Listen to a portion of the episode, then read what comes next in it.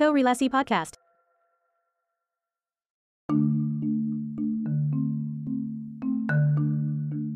Halo, kita ketemu lagi di Korelasi, satu obrolan podcast yang ngobrolin arsitektur dalam kaitannya dengan berbagai aspek dalam kehidupan.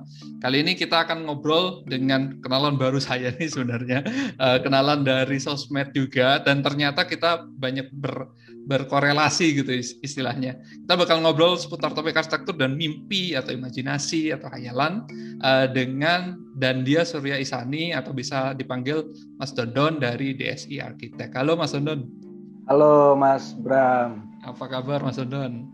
Baik, baik. Alhamdulillah. Gimana kabar Mas? Sehat juga, sehat juga. Sehat, sehat. Um, gimana nih DSI selama ah. pertanyaan klasik tapi rasanya masing-masing uh, bisa punya strategi sendiri-sendiri gitu ngadepin corona. Iya. Kalau DSI sendiri gimana Mas? Kalau DSI selama corona gini kan sebenarnya kan uh, semua kayaknya sama aja sih kayak mungkin mungkin mungkin waktu fase awal corona uh, sama seperti uh, studio yang lainnya gitu kan hmm. sempat ya sempat sempat adaptasi lah kita adaptif terhadap apa kondisi, keadaan ya? kondisi hmm. terus uh, ya berjalannya waktu ya ya normal kembali lagi aja sebenarnya cuman kita tetap perubahannya lebih ke arah progresi uh, hmm. terus ada beberapa yang biasanya memang kita tatap muka untuk ketemu klien jadi akhirnya ya via zoom cari aman ya Kayaknya kayaknya semua gitu deh sekarang. Tapi terhambat gak sih? Soalnya ada beberapa kantor yang kayak kalau via Zoom nih nggak dapet nih apa istilahnya ya kayak bondingnya atau kayak ada yang miskomunikasi saat via Zoom. Kalau Mas Dondon sendiri termasuk generasi yang nggak bermasalah tuh sama yang kayak gini-gini atau gimana? Uh, Sebenarnya bermasalah karena uh, itu dia kan. Karena ya, karena, karena karena apa namanya untuk ngegrab uh, mimpinya si klien itu tuh. Hmm baiknya benar-benar memang kalau saya tuh memang ngelihat dari sorotan matanya. Ah, waktu betul, dia betul. menceritakan waktu dia menceritakan kayak mas gue pingin punya ruangan ini ini ini. Pas ah. ada satu titik ruangan yang memang dia pingin banget tuh penekanan intonasi suaranya beda. Nah di situ tuh saya biasanya bisa ngambil oh ini dia nih di that's it nih. Nah ini dia nih di it nih. Pokoknya ini ini mimpinya dia di sini sebenarnya. Jadi pada saat pada saat uh, proses perancangannya di area yang dia tekankan secara intonasi suara tadi itu ya benar-benar diolah lebih daripada ruangan yang lainnya kayak gitu. Hmm, Jadi kalau Berarti... kalau misalkan misalkan hmm. sifatnya kalau zoom ya mungkin uh, sayanya harus lebih adaptasi aja terhadap terhadap terhadap hal-hal yang saya nggak bisa dapetin kalau misalkan langsung ketemu gitu mas. Hmm, sih. Berarti gestur-gestur tuh agak sulit ya sebenarnya. Mungkin karena terbatas kamera, nggak langsung gitu ya. Feelnya beda ya mas ya. Feel ya, lebih karena feel sih. Beda eh. sih. Karena karena karena kalau bagi saya tuh arsitek itu kan kayak tukang jual obat ya.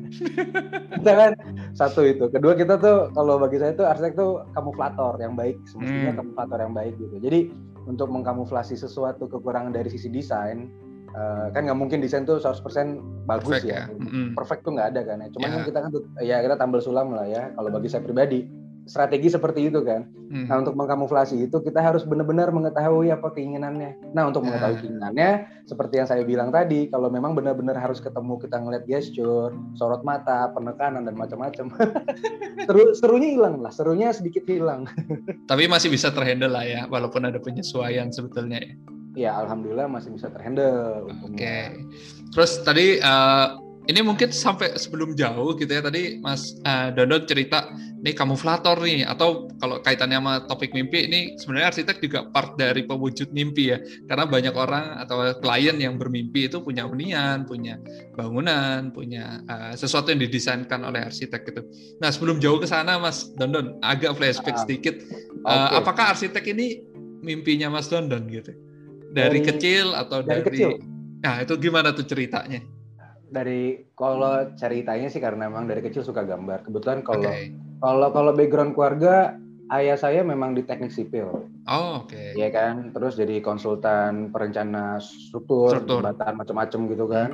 Kalau ibu saya sebelum jadi ibu rumah tangga, beliau itu sekolah di Jepang jadi uh, sekolah di bidang fashion design. Oh, ada seni sama tekniknya nih nyampur ya sebenarnya. That's it. Terus saya saya uh, penggila Bung Karno dari kecil. Oke. Okay. Gitu. Yang saya tahu memang Bung Karno kan arsitek gitu kan. Yeah, Kalau ayah sering bisikin-bisikin gitu kan.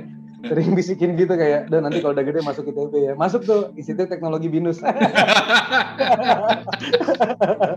Kita kayaknya makin muncul banyak kesamaan sih mas. Saya dulu mimpinya satu uh, eh, ITB juga, cuman karena waktu, jarak, beda kota segala macam akhirnya ya udah deh iya. di Surabaya dulu gitu. Sama, saya juga nyari yang sebenarnya efisien aja bagi saya. Mungkin mungkin saya nggak tahu ya kalau kalau pada zaman orang tua saya itu apa hmm. namanya civitas itu ya berpengaruhnya sangat besar ke ke apa namanya ke jenjang kehidupan selanjutnya betul, gitu. Betul, betul. Cuman kalau saya lihat waktu saya mau lulus SMA terus saya ngeliat saya pikir saya kuliah di mana aja it's okay kok Hmm. Yang penting tergantung dari kitanya kan. Sepakat. Gitu. Nanti ada cerita deh, gimana saya di kampus saya ngalahin ITB. Siap, siap, siap. Ini udah banyak nih simpenan ceritanya. Um, tadi kan berarti dari kecil ada influence dari ibu gitu ya, mungkin jiwa seninya ngalir dari ibu, jiwa yeah. keteknikalnya dari uh, bapak gitu. Terus yeah. Iya. uh, apakah dari um, lulus SMA itu sudah 100% yakin akan ke arsitektur nih karena dibisikin uh, Bapak tadi terus kemudian uh, penggemar Bung Karno juga atau sebenarnya mungkin karena banyak juga narasumber-narasumber yang lain ya yang udah uh, saya ajak uh, ngobrol sebelumnya kayak ragu nih biasanya antara arsitektur, DKV, desainer interior, uh, hal-hal yang sebenarnya masih berkorelasi tapi agak-agak beda-beda dikit kan ya sebenarnya. Oh iya. Nah, itu gimana tuh ceritanya untuk sampai ke ITB tadi Institut Teknologi Binus? ya uh, jadi kalau yang saya ingat ya waktu kelas 2 SMA mau masuk kelas 3 kan uh, penjurusan tuh. Sama saya mau IPA kan. Hmm. saya udah berpikir tuh kayak sebenarnya memang dari dulunya memang pengen jadi arsitek. Biarpun waktu SMP sempat pengen jadi skateboarder dan macam-macam itu, itu itu skip lah. Itu, itu itu itu lucu-lucuan kan. Remaja lah ya. Iya. Nah, jadi jadi waktu emang sebenarnya udah udah prinsipnya udah kuat sangat udah sangat kuat di arsitek gitu. Hmm. cuman saya uh, terbiasa dengan uh, mencari falsafahnya. Okay, Jadi nggak bisa asik. mengambil gitu aja kan. Nah, ada ada tiga bidang yang saya breakdown dari arsitek satu teknik satu lagi seninya. Jadi yeah. ada tiga ada tiga jurusan yang memang uh, saya mau coba aja mau mencari tahu. Satu yang jelas teknik sipil seperti ayah hmm. saya. Ya kan? Ada role modelnya ya soalnya ya. Benar. Kedua ya arsitektur karena kan memang pengen jadi arsitek dari kecil. Hmm. Ketiga sebenarnya pingin masuk fine art. Oh, gitu, Karena ah oke. Okay Terus saya coba cari falsafah ke depannya seperti apa, pengaruh terhadap kehidupan saya seperti apa, apakah karir saya segala macam gitu. Ya? Karir, enjoy apa enggak. Saya hmm. lebih ke arah gini sih, Mas. Kalau masalah karir ya pasti akan flow. Hmm. Cuman lebih berpikir enjoy apa enggaknya dalam prosesnya berarti ya. Oh, iya, bener kan? Kalau kalau kalau makanya saya lihat saya begitu coba buka buku-buku teknik sipil hmm. ayah wah kayaknya nggak enjoy nggak enjoy deh ini walaupun IPA ya iya nih kayaknya terlalu ini deh, nggak terlalu complicated rumit ya. Uh, kalau kalau kalau bahasa angkatan tahun 45 tuh mangkus, artinya rumit. Bikin puyeng ya. iya. Habis itu ke fine art, ke fine art saya malah ngelihat saya saya tidak cocok dengan uh, kebebasan yang uh, terlalu yang, bebas ya. Terlalu bebas ya, artinya hmm. terlepas dari apa pun itu. Cuman saya saya rasa saya tidak terlalu suka dengan kebebasan itu gitu. Baik dari berpikir, dari cara bergaul, cara hidup, uh, cara hidup uh, ke uh, apa namanya secara garis besar mayoritas anak-anak kampus seni, pada waktu ya? itu uh. iya kan ya, ya kita sama-sama tahu lah ya, apa namanya seni seperti apa kan anak apalagi waktu zaman zaman di kampus saya ya. saya rasa saya nggak bisa nggak bisa nggak bisa sebebas itu kalau hmm. berpikir bebas ya saya senang tapi kalau kalau semua segala sesuatu tidak ada tatanannya yang menurut saya pribadi okay. saya agak sulit gitu kan ya udah saya kembali ke ke falsafah dasar ke keinginan awal akhirnya udah That's it, masuk arsitektur. Oh, udah. titik tengahnya berarti ya bebas. Ya iya tapi ada batasannya. Teknis banget ya enggak gitu ya, enggak semuanya rumit, ada seninya, ada senengnya. Uh, sampai akhirnya terpilihlah arsitektur dan masuk uh, eh, ITB tadi ya yang binus itu. mungkin sedikit pertanyaan gitu dari sekian banyak pilihan kalau di Jakarta mungkin super banyak ya ada BINUS, UPH, Untar, uh, UI segala macam. Trisakti macam-macam. Ya, Trisakti. Kenapa BINUS gitu mungkin pertanyaannya? Ya, kita nggak bisa pungkirin Mas. Jadi waktu ya uh, waktu saya mau masuk kampus kan, ya kayak saya rasa dari kita semua nih yang segenerasi kurang lebih itu kan hmm. kayak nggak semuanya sih. Cuman memilih kampus itu bukan hanya berdasarkan uh, apa namanya uh, bacaan kualitas gitu ya ya kualitas dari kampus tersebut atau bacaan akademisnya seperti apa mm. gitu kan. Mm -hmm. Cuman kan kita kan juga pasti nggak menutupi kalau kita punya teman-teman di situ. Ya betul, golongannya komunitas uh, gitu ya. Benar, saya juga memang masih buta banget sama dunia kampus. Ya normalnya seperti itu, normatifnya itu kan. Cuman ya. kayak kayak saya malas sebenarnya biarpun saya tinggal di Bintaro, saya malas jauh-jauh. gitu. That's why saya milihnya Binus bukan ITB kan. Ya, ya. ya kan? Jadi waktu sebenarnya kecelakaan sih. Jadi kebetulan saya saya ngambil banyak tes. Hmm. Terus kebetulan tes pertama itu memang tes binus. Oh, Oke. Okay. Kayaknya kebanyakan swasta nih menang waktu ya. Biasanya kan dulu-duluan ya. Nah, dia pintar membaca behavior karakter anak-anak kampus nih anak-anak SMA mau ke kuliah nih. Biasanya cadangan juga ya, biar uh, ntar kalau nggak keterima negeri masih ada cadangan buat uh, yang kampus yang udah keterima gitu ya istilahnya. Benar-benar. Ya. Di lalanya kan keterima di Binus kan. Ah sih. Terus lanjut ya. Nah, ya akhirnya kayak males untuk ya udahlah males tes lagi lah teman. UMPTN gitu sempat UMPTN di SMA 6 terus yang kayak ah udah asal-asalan deh karena saya udah udah udah males gitu pada dasarnya. Udah Mirip banget sih sebenarnya ceritanya Mas Ton. Ini saya daftar Petra, terus udah keterima, uh, terus tes ITB buka kan. Uh, tapi di tengah-tengah ospek tuh kayak jatuhnya kan uh, ya males kan udah udah sibuk ini iya, itu terus ya udah deh dikalahin udah di Petra dulu aja gitu toh uh, jarak segala macam tadi nggak tahu entah kenapa dengan ceritanya Mas Donon kayak relate gitu. Iya sebenarnya kan emang kenyataannya kan kalau kalau saya lebih per, lebih ke arah ini Mas lebih cenderung ke arah untuk ini dalam dalam sesi ngobrol kita kali ini yeah. saya lebih cenderung untuk kayak uh, lebih cenderung terbuka padanya hmm. saya nggak mau dia pun Aztec sebagai kamuflator, cuman saya nggak mau mengkamuflasi pembicaraan ini. Karena biasanya yang jujur lebih menginspirasi ya mas ya. iya, kita sedikit nekat nggak apa-apa, nggak apa-apa kok nah, tadi ceritanya mungkin lanjut sedikit ke perjalanan perkuliahan karena banyak juga mungkin setengah-setengah ya antara yang masuk arsitektur ini sudah dengan tekad gitu ya dari kecil udah punya cita-cita, udah hobi gambar segala macam. Ada yang juga ah nggak tahu udah arsitektur aja deh gitu asal lulus dan segala macamnya. Apakah ah. Mas Don London yang sudah punya cita-cita sebagai arsitek itu tadi uh, mengalami pembelajaran yang juga enjoy gitu. Tadi kan harapannya pembelajarannya uh, enjoy nih gitu. Apakah iya, yang iya. dihadapi itu saya enjoy itu atau ada challenge-nya gitu. Ini mungkin sedikit cerita proses pembentukan karakter Mas London di perkuliahannya. Oke, siap. Seperjalanan di kuliah nih, di, se, di perkuliahan itu ada dua fase yang akan saya ceritakan. Okay. Satu fase enjoy, mm -hmm. Oke, kita sebut aja enjoy satu fase males. Oke. Okay. okay. Yang mana duluan nih? Kes, kayak semuanya uh, jadi bisa jadi satu. March ya. Jadi gini, okay. March ya. Uh, jadi uh, secara keseluruhan saya enjoy. Hmm. Gitu. Itu garis besar secara keseluruhan saya enjoy. Di luar kekurangan-kekurangan yang saya miliki seperti saya jujur uh, waktu zaman kampus males banget untuk mempelajari uh, sifatnya teknologi seperti hmm. waktu kita berawal belajar komputer macam-macam dan saya ah, memang nggak okay. awal awalnya tidak ada ketertarikan ke arah sana dan saya suka saya nggak suka belajar kelompok karena di awal-awal itu kan kelompok hmm. otomatis saya yang main aja yang belajar bukan saya gitu kan ah, oke okay. lebih challenge orangnya lebih tertantang kalau misalkan kita belajar mata kuliah studio perancangan hmm. gitu, Karena itu kan apa namanya representasi terhadap masing-masing diri sendiri ya. Betul, betul, betul. Nah, saya lebih challenge di sana dan saya menemukan arsitektur itu jauh lebih dalam ke diri saya di saat ada ada ada beberapa ada satu dosen yang sebenarnya udah mahrum orangnya hmm. yang memang uh, mungkin dosen ini nggak disukain sama teman-teman kampus karena killer waktu itu. Cuman bagi saya killer tuh nggak masalah. Hmm bagi asal ada tuh, tujuannya ya sebenarnya nggak asal killer ya. Yang bener-bener uh, ngenalin arsitektur ke saya ya itu dosen itu. Okay. Namanya Pak Teo Salim kalau saya boleh oh. ketemu mm. almarhum mm. Teo Salim. Ya. Saya banyak belajar filosofi arsitektur di situ. Mm. Jadi bukan bukan bukan bukan arsitek, bukan uh, falsaf bukan filsafat arsitekturnya tapi gimana si arsitek memperlakukan karya arsitekturnya. Mm. Si arsitek mem, apa namanya melihat arsitektur seperti apa. Mm. Nah, saya saya, saya sangat tertarik ter, apa tertarik uh, beberapa konten yang dihadirkan sama apa namanya Pak Teo tersebut hmm. ya. Nah di situ saya merasa uh, terangsang nih Mas Bram.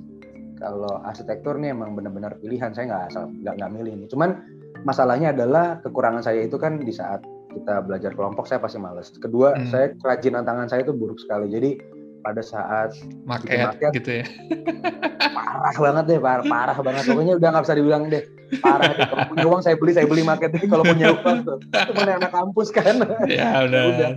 dan dan saya bikin market cuman saya nggak proud atau nggak tetap nggak tertarik gitu gimana ya? Hmm.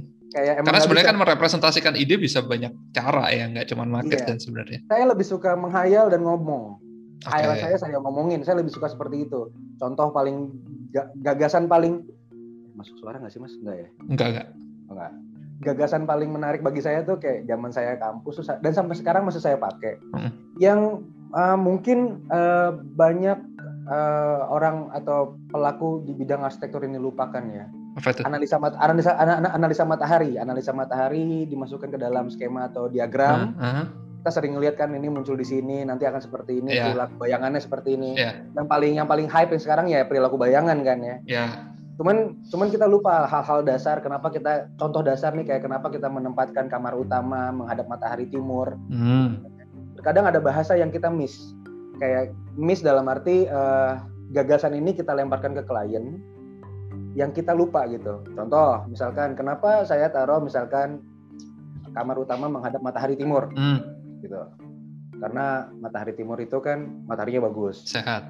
Ada bahasa-bahasa yang kita sering skip kayak misalkan misalkan saya ngomong ke klien ya hmm. Pak ini bapak nih ya sama ibu nih berdua nih saya taruh tempat kamarnya di menghadap matahari timur nih ini hmm. master bedroomnya saya taruh di kamar apa menghadap matahari timur orientasinya saya nggak bakal pakai bahasa yang kaku ah. atau terlalu arsitek gitu kan oh. lebih lebih enjoy bahasanya lebih Betul. lebih flow terus ini saya belum bicara view nih pak bu saya baru bicara mataharinya terus kenapa mas mataharinya mas misalkan seperti itu ya bayangin ya pak ibu tuh nggak perlu ngebangunin bapak pakai teriakan gitu kan. Ya. udah digampar sama matahari pagi gitu pak. Itu seger banget belum hal yang lain. Misalkan ibunya hobi yoga macam-macam. Jadi kita nah. benar-benar ngedalamin kebutuhan dan kebutuhan mimpi sebenarnya. Dan kita lupa uh.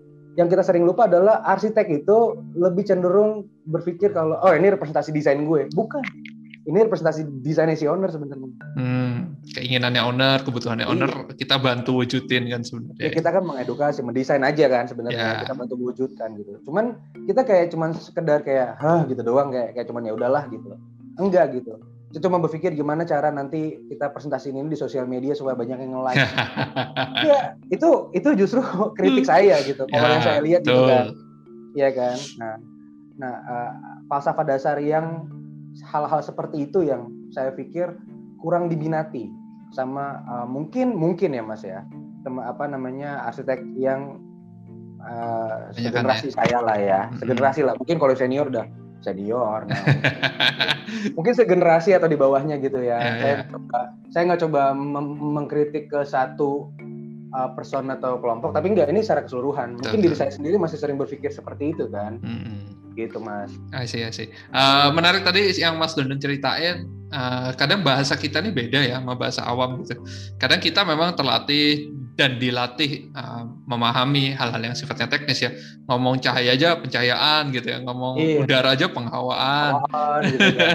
karena kita nggak sadar tuh pas dikomunikasiin si si calon klien atau klien itu nggak nangkep sebenarnya apa yang dimaksud nah tadi menariknya mungkin kalau aku bisa uh, tarik benang merahnya uh, pakai narasi gitu ya sehingga Eh, cerita-cerita uh, yang sebenarnya basic ya. Cahaya matahari kena segala macam tapi di diolah sedemikian rupa jadi kayak se semacam kemewahan yang bisa didapatkan klien dengan desain tersebut gitu.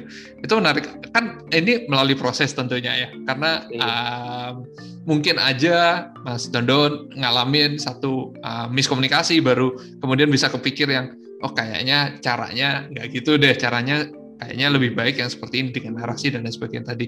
Um, proses seperti apa sih yang membentuk sampai kemudian sadar uh, kita ini ahli memang, tapi nggak bisa uh, bicarain uh, perwujudan mimpi tadi itu uh, secara teknis terlalu teknis gitu. Perlu rasanya bahasanya saya disederhanakan oh. dan seterusnya. Oh. Itu prosesnya gimana di kampus kah atau di pengalaman yeah. praktek? Ini kan masih berbicara masalah kampus mas makanya boleh, boleh. Kan korelasinya adalah saya dapetin kayak gini tuh di kampus jujur oh I see prosesnya gini, kayak gimana tuh jadi gini uh, waktu ya waktu saya belajar kalau nggak salah ya saya lupa hmm. waktu mata kuliah pengantar arsitektur satu lah atau gimana hmm. ya saya lupa ya kurang lebih seperti itulah ya prinsip-prinsip dasar kita kan belajar kayak kalau fisika kan ada tujuh ada tujuh besaran pokok gitu hmm. gitu kan ya. ada waktu panjang jumlah zat yeah. saya dan lain-lain lah ya kalau arsitektur tuh ada ada skala, warna, proporsi, Betul. ada macam-macam seperti itulah hmm. ya. Tapi itu bahasa arsitektur. Kita tidak memakai bahasa itu. sebenarnya ke hmm. klien. Hmm. Saya mikir ulang gitu. Kalau saya presentasi ke klien, saya pakai bahasa ini proporsinya gini, bahkan kayaknya nggak gitu. Ada bahasa-bahasa yang memang uh, lebih halus daripada itu, biarpun downgrade secara hmm. kejeniusan dalam tanda kutip. Betul. Secara akademis nggak sama ya bahasanya ya. iya, cuman saya pikir itu jauh jauh lebih lebih gampang dipahami. Lebih gampang dipahami. Kita kan nggak perlu kelihatan pintar di depan klien, tapi Betul. satisfying mereka itu yang paling penting kan ya. I see. Nah, itu juga berhubungan gimana nanti caranya untuk apa namanya memuaskan atau membuat klien percaya terhadap kita yang sama sekali notabene klien itu belum mungkin kenal kita siapa betul, mungkin betul. karya mungkin karya kita juga belum terpampang banyak di media sosial jadi ya. klien nggak punya referensi nah, itu juga salah satu teknik kalau yang saya pelajarin untuk membuat klien trust sama saya okay. jadi balik ke ke cerita tadi mm-hmm. uh, kalau kita pakai bahasa bagus seperti proporsi, ini skala, hmm. warna, hmm. terus sampai ke bahasa teknis masalah analisa tapak, cahaya, hmm. awan dan detek bangkitnya, saya pikir itu nggak bakal kepake. Okay. Hanya kepake untuk di akademisi, terus di beberapa di proses yang kita sendiri ya. Iya proses sendiri sama di beberapa kebutuhan untuk kayak apa namanya? Publikasi mungkin ya. Ya mungkin publikasi sama apa namanya kayak seperti acara-acara seremonial arsitektural lah. Ya betul. Ya, benar. Kesesama ya. kalau di luar itu nggak sama sekali. Ya ya. ya saya belajar masalah kayak misalkan saya dikasih challenge sama dosen hmm. uh, don tolong bikinin ini buat tugas kampus misalkan hmm. tolong nih ini tapaknya seperti ini di area sini ada hutan di area sini ada tebing di depan sini ada seperti itulah nah, hmm. oke okay, gimana gimana sebenarnya uh, treatment kita atau kayak gagasan kita dalam apa namanya uh, terhadap handle itu gitu ya iya menghandle itu kan ya terhadap terhadap apa kekurangan dan kelebihan dari ya, dari tapak tersebut dari hmm. site tersebut dari view tersebut hmm. kalau saya tipikal orang yang sebenarnya apa apa view dulu oh, oke okay. ya karena karena kalau kita nggak desain rumah itu setiap hari kalau rumah udah jadi setiap hari itu klien itu kan mundur mandir ngelihat apa yang kita desain dari betul, awal betul.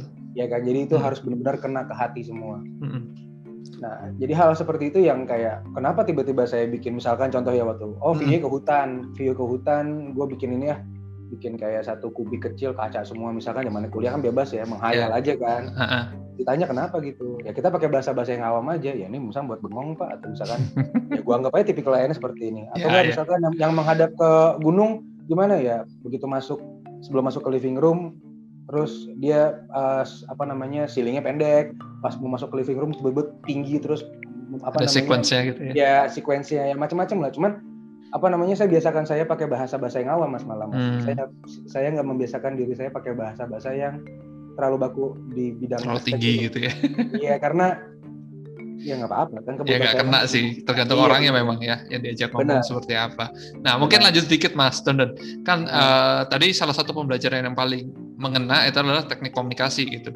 Bahkan dengan narasi dari menceritakan sesuatu yang basic tapi dengan kemewahan seolah uh, klien ini memang bukan seolah ya akan mendapatkan hal tersebut gitu.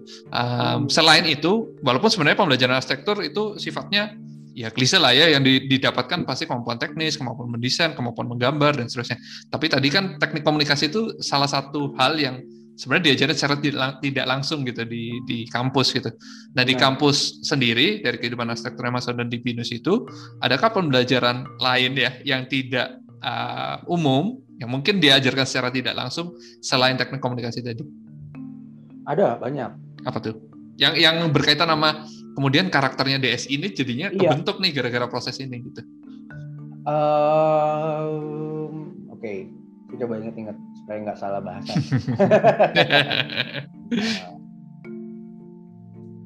filosofi.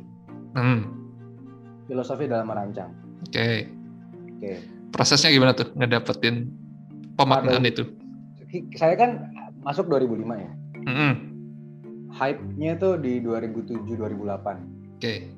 kita sama-sama tahu di tahun segitu uh, arsitektur Indonesia sedang mengalami apa namanya apa namanya sorry bahasanya adalah uh, peningkatan yang tajam hmm. mulai dari acara pameran-pameran terus mulai banyak ya saat, pada saat itu kan ada AMI ya Betul. sebagai sebagai mahasiswa kita sangat-sangat amazed banget sama idola-idola ini gitu ya. idola-idola itu kan masya Allah memang jadi pada saat itu emang emang kayaknya emang kayak serempak semua teman-teman di kampus di kampus maupun hmm. kampus lain gitu kan hmm. kita terus mulai kita mulai benar-benar apa namanya ngejelajah sosial jaring sosial lah ya di internet hmm. gitu Terus hmm. dulu ada Kriteria Night, saya juga ikutan. Ya. Ya kan? Yang forum kan ya? Forum, forum, forum. Iya benar. Eh sorry, gabung iya, forum. Forum gabung dulu sebagai pembicara di Labo tuh tahun 2010. okay. okay. ya kalau kalau kita bicara kampus filosofi. Mm-hmm. Jadi uh, ada ada ada ada ada satu dosen yang menahan kalau uh, design is enough katanya. Mm. Don't talk too much. Artinya gini, uh, silakan jadikan uh, karya-karya yang yang menjadi referensi pada saat yang yang high pada saat itu mm.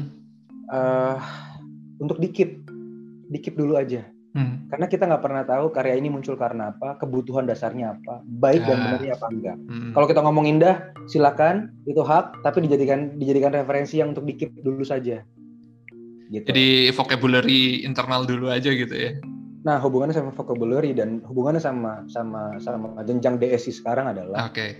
saya sebagai ya ya sebagai representasi DSI kita nggak mau desain kita itu terbatas kosakatanya hmm Okay. Jadi nanti ada hubungannya terhadap uh, karakter desain seperti apa. Uh, uh. Ada hubungannya terhadap kayak apakah uh, Desi yang mempunyai ciri khas tertentu apa enggak uh, gitu. Uh. Saya bisa menjawab itu, cuman kalau kasih kisi-kisi di sekarang adalah uh, filosofi itu filosofi yang diajarin sama dosen itu adalah ngebuat saya berpikir kalau arsitek itu nggak boleh terbatas kosakata desainnya. Hmm. Gitu. Artinya kita nggak boleh terpaku sama satu langgam Okay. Kalau su kalau suka sama satu langgam tuh uh, subjektif, nggak jadi hmm. masalah. Hmm. Itu boleh banget. Saya juga gitu kok. Terpaku sama satu langgam ya, tapi tidak boleh bisa hanya bisa satu langgam. Hmm. Kosa kata desain nggak boleh terbatas. Itu yang Oke. Okay. Karena saat vocabulary-nya banyak itu uh, akan terbiasa melihat banyak hal. Jadi saat waktunya perlu dipanggil nih vocabnya nih uh, dapat konteks yang pas, dapat klien yang pas, itu bisa keluar gitu ya semuanya. Tapi tanpa harus memaksakan kesukaan kita pada setiap ya. macam konteks yang kita hadapi gitu ya. Benar. Jadi akan sangat disesuaikan dengan calon calon calon klien ataupun konteks-konteks atau kesempatan-kesempatan yang datang ke kita. Tadi sempat di awal nih Mas Donon cerita walaupun ITB-nya ITB bisnis sempat tuh ngalahin ITB beneran tuh. Nah, adakah iya. momen-momen nah. yang apa ya? Mungkin buat beberapa orang dari proses perkuliahan 4 sampai 5 6 tahun mungkin di S1 uh, eh, ada yang memorable nih beberapa tugas akhir gitu ya beberapa menang kompetisi gitu ya beberapa ya, apa gitu ya. nah si Mas Dondon ada nggak sih momen-momen yang kemudian nih ah, bakal aku inget terus nih pembelajarannya luar biasa misalkan Oke, okay, uh, eh, yang waktu kalau kalau kalau menyinggung tentang mengalahkan ITB beneran itu waktu kompetisi yang diadakan uh. sama Untar. Oke. Okay. Oke, okay, Untar setiap tahun tuh kan ada kompetisi, terus kita ikut kebetulan kita saya saya bertiga nih sama kawan saya uh, Fajar mm-hmm. sama Octavianus. Mm-hmm. Dua orang ini hebat-hebat mas. Mm-hmm. Dua orang ini uh, jenius lah di perkuliahan. Mm-hmm. Terus uh, menguasai apa namanya menguasai uh, software. Software. Ya okay. menguasai menguasai komputer lah. Yang di mana saya sama sekali kayak orang bego di situ. Cuma saya tahu saya punya punya punya satu uh, keunggulan yaitu uh, komunikasi kan. Ya betul. So, jadi uh, kita bertiga lah ya. Ya kalau bisa dibilang siapa yang paling nggak bisa kerja di ketiga orang ini saya. Cuma Tapi saling melengkapi kan ya sebenarnya. Ya? Iya, iya. Saya kan harus merendah mas. Tapi dua orang ini hebat-hebat. Jadi uh, kita coba ikut. Kita waktu itu masih semester 3 atau 4 lah saya lupa. Hmm. Saya coba ikut. Uh, kita coba ikut untuk apa namanya lomba itu. Hmm terus ceritanya panjang dan menarik uh, sampai kita bisa masuk finalis pada dasarnya. Dan masuk finalis kita enam besar kita presentasi di Untar saingan kita ada ITB ada Unpar ada hmm. UI tapi ada Untar. Nah kita dan kan dari enam finalis kita ternyata pas diundi nomor enam presentasinya. Oh, oke. Okay. kita ngeliatin orang presentasi dulu kan mati gue. Tapi bisa jadi kemewahan kan karena uh, bakalan tahu pertanyaan-pertanyaan yang muncul duluan enggak karena oh, kita enggak? masih karena kita masih terlalu dini untuk ikut kompetisi. bagi gue pribadi ya, ya bagi ya. saya pribadi kita masih terlalu dini nih untuk ikut kompetisi. Jadi kita hmm. ngeliat mereka presentasi kayak gila, desainnya keren, cara prestasinya gila hmm. gitu. Hmm. Kebetulan waktu itu jurinya salah satunya adalah Prof Gunawan Cahyono. Oh, I see. Ya udah kita saya saya bilang ke ke, ke kawan saya ini, udah ntar kita maju, gue presentasi, terus temen yang yang jadi yang ikut juga, cuman saya yang akan banyak bicara, hmm. ya pasrah ya, gue bilang pasrah aja deh. Gitu.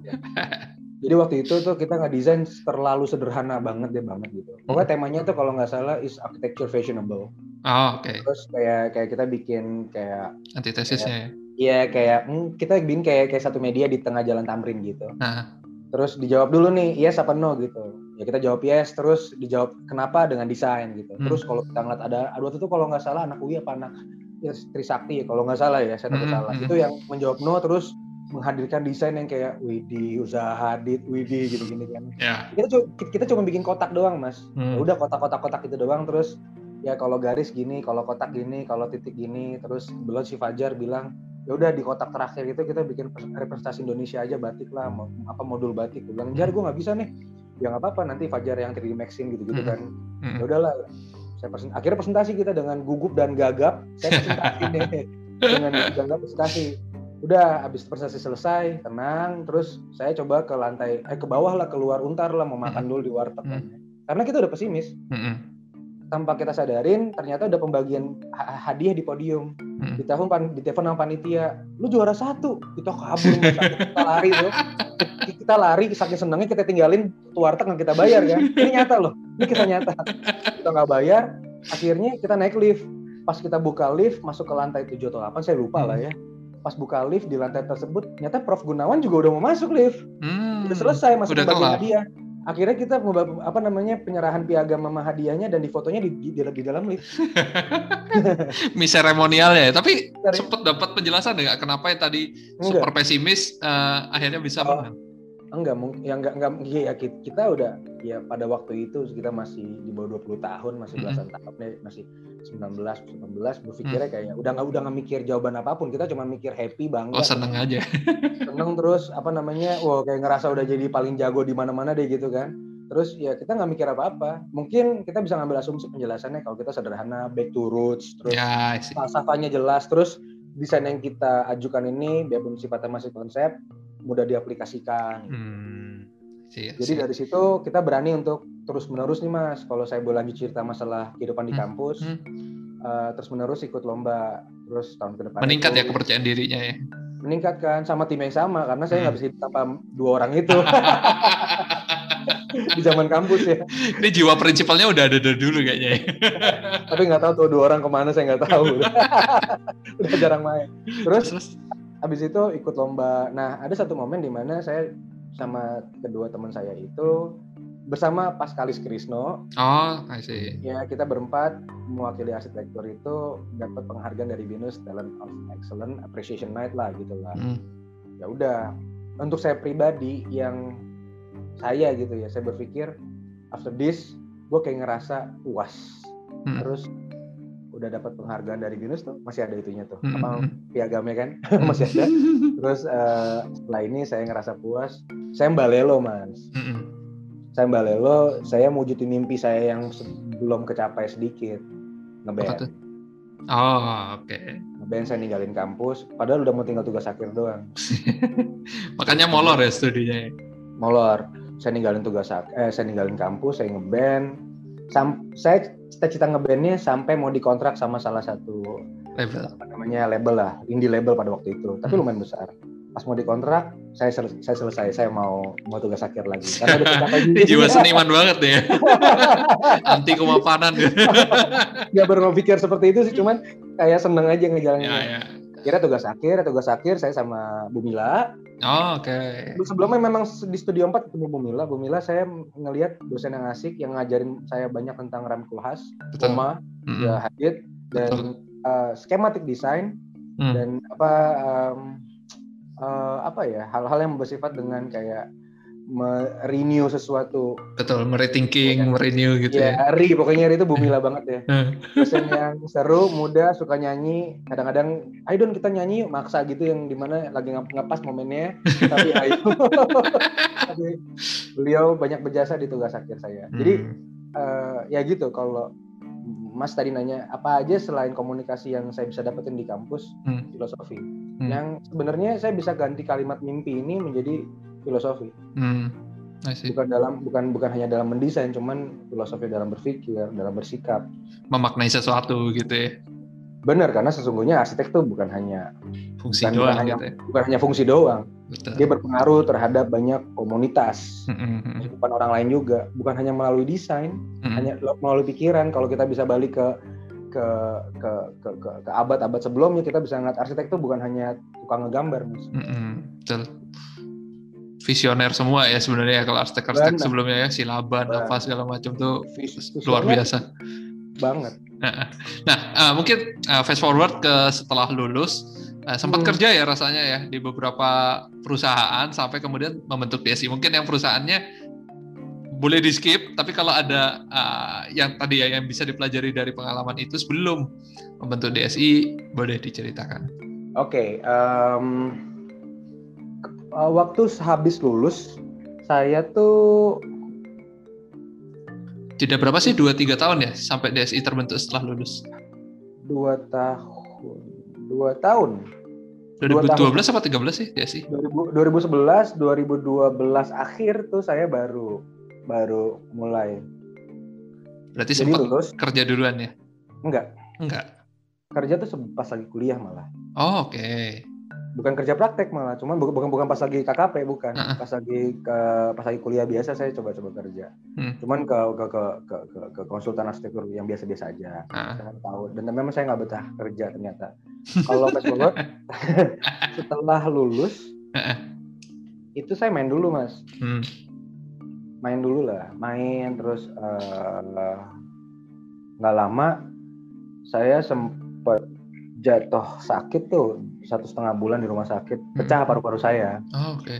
terus habis itu kayaknya mainnya tobat deh. Diingetin namanya di atas ya. Iya nih kayaknya.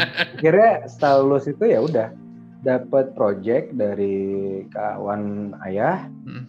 lumayan projectnya. Nggak kecil besar. Bagi ukuran saya pada waktu itu besar proyeknya. Hmm. dari situ saya beraniin diri aja. Cuman gini mas uh, pada waktu itu di lima tahun pertama saya beranikan diri design build. Artinya oh, okay. sebagai sebagai kontraktor juga gitu. Karena kekurangan apa ya saya tuh kekurangan uh, informasi terhadap apa sih yang semestinya arsitek lakukan setelah ah, benar. kelemahan ya. Di kelemahan, semua kampus nggak nggak menyinggung itu gitu memang. Sebenarnya iya. Terus saya kekur uh, kelemahan saya juga uh, tidak pandai bergaul di komunitas. Hmm. saya orangnya soalnya malesan mas itu masalahnya gitu kan ada yang sesuatu yang nggak pas sama pikiran kayak apaan sih gitu loh udah menghindar itu, aja ya itu menghindar aja lah itu dulu ya sekarang sih enggak sekarang udah tau triknya Terus berarti akhirnya, langsung DSI terbentuk di 2012 tadi ya? Ya, oke. Okay. Dulu jadi jadi ngerjain project kan, terus hmm. mulai dari satu dua karyawan sampai akhirnya beberapa karyawan gitu. Uh.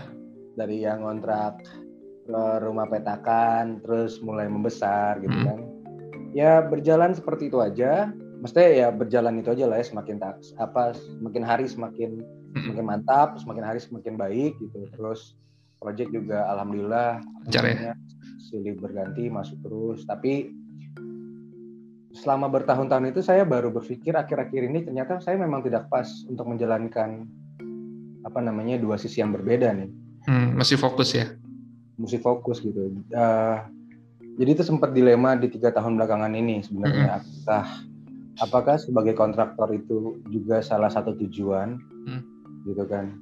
Ternyata setelah berkali-kali melakukan riset baik baik ke diri sendiri maupun minta tolong sama Tuhan yang Maha Esa, terus, terus minta minta jawaban lah kan terus coba coba riset ke teman-teman sekitar terus hmm. coba lihat gimana situasi dan lain-lain. Ternyata kayak enggak. Saya mantepin saya enggak kayaknya ternyata gitu. Karena memang uh, hasil analisanya kayak buktiin kalau saya nggak bagus sih kalau di kontrak.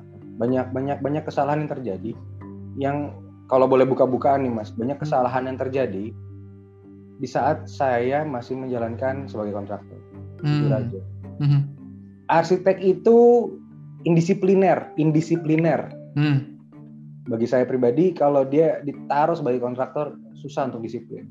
Sedangkan kontraktor itu is all about day by day. Betul. Harus persisten gitu ya, rapi ya, gitu ya. Rapi di dalamnya ada budget, soalnya ada cash flow, ada macam-macam. Betul, betul, betul. Dan itu ah sulit sekali untuk saya bisa menyeimbangkan itu sulit ya. Sulit, sulit. Saya saya nggak bisa karena di dalam pikiran sama jiwa saya itu kayak ada hal yang saya nggak suka, saya bisa ganti dengan semua mau saya karena saya berpikir nih kan cash flow-nya di saya. Kalau saya ganti yang lebih bagus pasti owner suka. Ya memang owner pada dasarnya suka. Cuma saya lupa satu hal yaitu kontrolnya kurang. Kontrolnya untuk keseluruhan itu menjadi Berantakan. keseimbangannya Berantakan. kacau ya. Kacau banget. saya, saya nggak ngerti nih di satu sisi kayak ini apa gua harus balik ke titik religius apa harus menanya, menanyakan balik ke ke yang maha kuasa nih sebenarnya gimana gitu. Apakah dikasih proyek terus satu jawaban apa gimana saya nggak ngerti kan. Cuman pada pada akhirnya selama tiga tahun belakangan saya memantapkan diri untuk kayaknya nggak deh. Oke, kalau itu kan berarti dari uh, tadi menjalankan di dua kaki arsitektur dan uh, kontraktor, kontraktornya kemudian uh, makin lama makin ah enggak deh karena tadi ya uh, kesulitan memanage gitu istilahnya. Tapi uh, kalau tadi itu karena uh, cerita off-nya, kalau cerita memilih untuk berjalan di dua kaki itu kayak gimana? Soalnya mungkin banyak pertimbangan ya. Ada beberapa arsitek yang uh, sekaligus kontraktor karena oh supaya menjamin uh, pembangunannya itu sesuai sama yang aku rencanakan misalkan. Ada juga yang oh supaya uh, ya kasarannya cuannya itu balance lah antara karena build kan mungkin nah, secara keuangan lebih besar gitu secara nominal dibandingkan hanya pure design gitu. Oh biar balance deh. Nah, itu pertimbangannya yang mana ya. kalau Mas Tun? Ya saya mah harus jujur kalau waktu awal lulus kuliah berapa sih fee arsitek waktu awal lulus? Mm-hmm. Kan gitu kita sama tahu kan ya. Cuman kita bisa ngelihat kita punya margin, punya cuan nih, bisa jadi kontraktor berapa sih? Karena jauh lebih besar. Betul. Nah, betul. Yang saya lihat adalah sebenarnya capital, artinya apa namanya uang. Ya pertimbangannya berarti ekonomi uang, ya. Uang, uang. Saya nggak mungkin pertimbangannya bisa saya lebih pantau itu kan uang sebenarnya. Kalau saya pribadi ya, karena karena jujur dengan saya mem- kayak kalau kalau sekarang saya kan mempunyai mitra-mitra untuk kontraktor. Ya. Nah itu saya bisa pantau. Artinya kepantau juga. Malah lebih baik desainnya. Apa artinya apa yang di, apa yang dikerjakan jauh lebih baik daripada saya waktu saya masih karena yang ngurusin ya profesional memang ya benar, bidangnya segala macam benar benar jadi apa sih yang dicari waktu pemilihan apa yang apa yang kenapa bisa milih untuk berjalan di dua kaki misalkan hmm, gitu hmm. capital saya berpikirnya uh, uang murni. capitalnya gini iya murni capital ya. iyalah ya kan kontraktor kan bisa buat bisnis yang ya, yang, yang yang jadi kontraktor kan nggak harus lulus apa nggak harus jadi insinyur betul ya, siapa pun bisa jadi kontraktor Gitu. Oke, okay. dalam dalam perjalanan DSI sendiri itu um, kan kalau ya dari sudut pandangku ya yang aku baca mungkin sebatas di sosial media gitu. Tapi kalau nanti ada yang um, lebih mau diceritakan juga boleh. Rasanya berfokusnya pada residensial ya, Mas Dondon ya. Apalagi tadi ceritanya yeah. lebih banyak uh, apa ya istilahnya menjual ide tentang view, kenyamanan yang mungkin agak susah ya kalau diterapin ke komersil yang mungkin orientasinya keuntungan, orientasinya uh, efektivitas, efisiensi gitu ya. Kalau rumah kan yeah. lebih personal karakternya. Nah, kaitannya sama mimpi juga apakah memilih uh, fokus ke residential ini karena pertimbangan bisa all out gitu ya atau bisa menyenangkan di setiap prosesnya karena nggak ada yang sama ya akan terus menerus berubah-ubah sesuai dengan kliennya. Kalau yeah. mungkin komersil uh, dalam tanda kutip ada rumusnya mungkin ya oh kayak gini gini gini yang untung tuh gini gitu yeah. uh, kalau Roma mungkin lebih personal pertimbangannya dari Mas Donan sendiri memilih fokus ke residensial itu terkait mimpi mungkin ya itu kayak gimana iya yeah.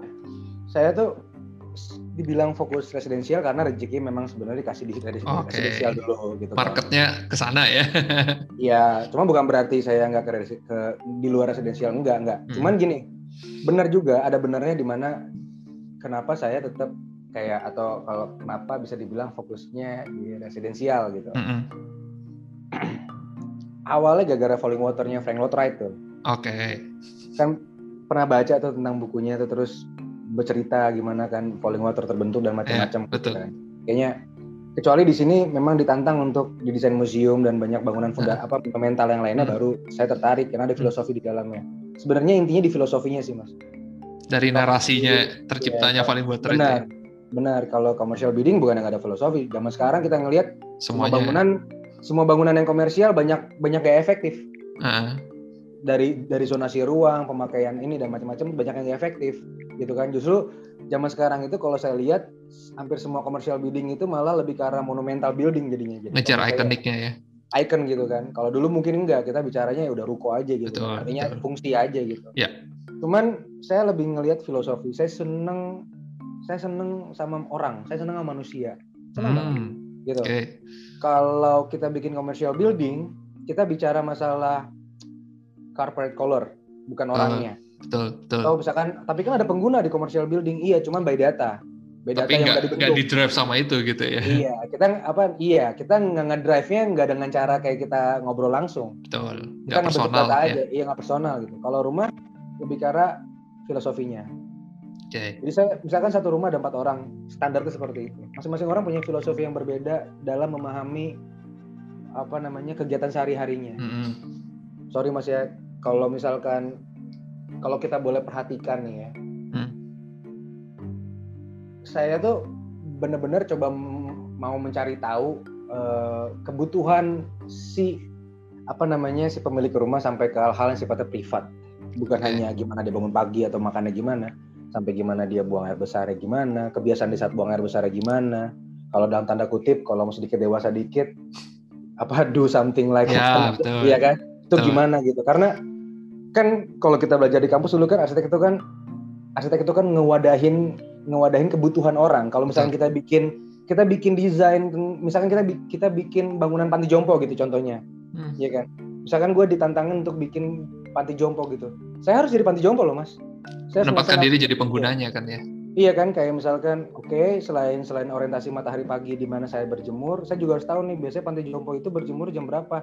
Hmm. Kenapa jam berapa? Bukan karena ada kebutuhan standar yang apa namanya mengharuskan dia berjemur jam berapa, tapi enggak tapi kayak misalkan kayak si Jompo ini si si si, pengguna pati Jompo ini uh, memang bangunnya jam segitu terus jalannya uh, memang lamanya segitu kita semua semua ke sana. Terus gimana cara dia duduk? Nanti dari dari dia duduk itu terus dia menghadap mataharinya mau gimana dulu? Ada seremoni tertentu nggak sebelum sebelum dia duduk gitu kan? Itu kan harus tewadahin gitu sampai ke hmm. desain bangkunya seperti apa kenyamanan seperti apa. Terus kita tanya kalau misalkan lagi duduk pagi gitu apa yang dihirup? Apa hmm. sih yang dirasain? Up memori memorinya apa gitu? Waktu lagi duduk melihat matahari ngirup udara segar terbentuk apa memori di otak gitu kita nah, harus ya. benar-benar bisa itu hal-hal seperti itu yang kita nggak dapetin kalau kita lagi desain public building ya, atau ya. public facility ya pada hmm. pada umumnya gitu mas I see. Jadi sangat personal hubungannya ya bisa membayangkan uh, nanti bangunan kita digunakan itu seperti apa mimpi-mimpi uh, dan imajinasi itu yang kemudian ditranslasikan menjadi desain gitu. Uh, berarti uh, menikmati sekali proses membaca perilaku penghuni gitu ya dalam proses desainnya DSI sendiri sehingga tadi fokusnya ke residensial. Nah mungkin uh, bahan diskusinya adalah tentang membaca perilaku ini gitu atau membaca mimpinya orang-orang ini gitu. Yeah. Um, itu prosesnya seperti apa? Cukupkah dengan satu kali uh, interview atau dengan dalam tanda kutip ikut beraktivitas dengan mereka mungkin ada yang mungkin se ekstrim itu gitu ya. Uh, ikut makan bareng misalkan atau uh, mengamati seharian mereka di rumah mungkin. Atau uh, yang metode apa sih yang dilakukan Mas Dondon sendiri untuk bisa menembak jitu gitu ya mimpinya? Orang kadang nggak semua orang bisa ekspresif menceritakan apa yang mereka mau gitu ya. Kadang yang diceritakan sama yang di otaknya nggak uh, sama gitu karena oh, nggak oh, iya. nggak mampu untuk bercerita dengan lancar misalkan. Simple saya nggak akan mungkin desain sebelum saya dapetin apa yang saya mau. Apa okay. yang saya mau itu adalah ke, kebut, bukan kebutuhan yang bukan yang saya mau itu bukan hanya kebutuhan dasar si pengguna, tapi hmm. kayak saya tahu apa si pengguna itu seperti apa. Kalau hmm. misalkan misalkan saya nggak bisa ngelakuin hal-hal yang sifatnya ekstrim yang tadi sebutin hmm. Mas Bram kayak misalkan sampai berkegiatan seperti mereka gitu, kayak itu hmm. terlalu ekstrim ya. Saya mungkin tiga pertemuan awal sama klien tuh kayak isi cuma cerita doang. Oke. Okay atau ya tiga sesi pertama tuh cerita aja terus saya rasa saya orangnya fun kalau hmm. kalau misalnya untuk diajak ngobrol jadi saya buat nyaman dulu terus kayak psikolog aja saya buat nyaman gitu kan terus sampai dia cerita benar-benar sampai dia nggak sampai dia tidak menceritakan kebutuhan dasar bangunannya Oke, okay. Soalnya kalau masih dia dia masih mencerit kalau misalkan si klien tersebut masih menceritakan kebutuhan dasar bangunannya, itu belum sepenuhnya dia terbuka ah, bagi saya pribadi. Okay. Gitu. Sampai mas gue tuh sebenarnya tuh nggak misalkan ada klien ngomong ke saya ya kayak gue sebenarnya tuh nggak bisa loh mas tidur itu terang tuh nggak bisa harus gelap banget sampai titik pun tuh nggak ada titik merah di titik tuh nggak ada sampai seperti itu. Nanti saya cari tahu tuh orang ini seperti ini sebenarnya gimana sih? Atau yang misalkan gue orangnya protektif banget nih, atau misalkan gue orangnya terlalu organize macam-macam gitu. Mungkin tuh masih simpel gitu. Ada yang gue moody banget, kadang-kadang gue bisa ngancurin barang kalau misalnya gue marah gitu. Nah terus kita ngaplikasi ini gimana secara desain? Kan harus yeah. setidaknya ada yang ada ada yang bisa kita ada strateginya ya. Ada strateginya biarpun itu nggak bisa nggak bisa akan akurat tuntas ya. akurat dan nggak nggak mungkin tuntas juga diomongin dalam sesi sejam dua jam pastinya mas. Hmm, I see. Um, kemudian kan proses tiga kali dua atau tiga kali pertemuan bercerita itu ya. Itu kan sebenarnya juga bukan sesuatu yang singkat ya. Sehingga mungkin kalau pola umumnya arsitek tag mungkin kan ngobrol dulu, bikin proposal, proposalnya approve, kontrak dan segala macamnya gitu. Nah dengan uh, apa ya spend waktu yang lebih ya sampai 2-3 kali pertemuan yang mungkin untuk menceritakan all out tadi butuh waktu yang cukup panjang itu uh, apakah ada alternatif untuk kemudian oh nanti ditolak ya udah deh nggak apa-apa uh, waktu yang kemarin terbuang atau strateginya seperti apa supaya apa ya dalam tanda kutip semi terikat gitu sama calon klien? Ya saya kontrak dulu mas. Sebelum cerita sebelum cerita sebelum ngolah semua saya dikontrak dulu dia. Kalau oh, artinya okay. gini, saya ngeliat nih trust apa enggak ke saya dan saya harus harus ngeluarin saya juga ke mereka kan. Jadi kalau bapak dan ibu trust sama saya, oke okay, ini uh, penawaran yang saya kasih, ini quotationnya, mm-hmm. terus kalau oke okay, uh, di down payment, tanda jadi terjadi lah ya. Mm-hmm. Terus ya udah, saya mulai dengan sesi ya sesi bagi saya itu sesi, see, I see. ya sesi mulai lah ya. Udah dimulai udah start atau udah start lah. Itu tuh ngobrol-ngobrol tiga kali itu udah start. Karena saya udah hmm. udah udah udah udah sketch sketch gitu ya. udah memilah data gitu. Hmm. nanti kebentuk sendiri kok. Jadi proses bercerita menggali mimpi tadi itu bukan yang sebelum kontrak ya berarti ya. Sesudah ada ikatan duluan ya sebenarnya ya?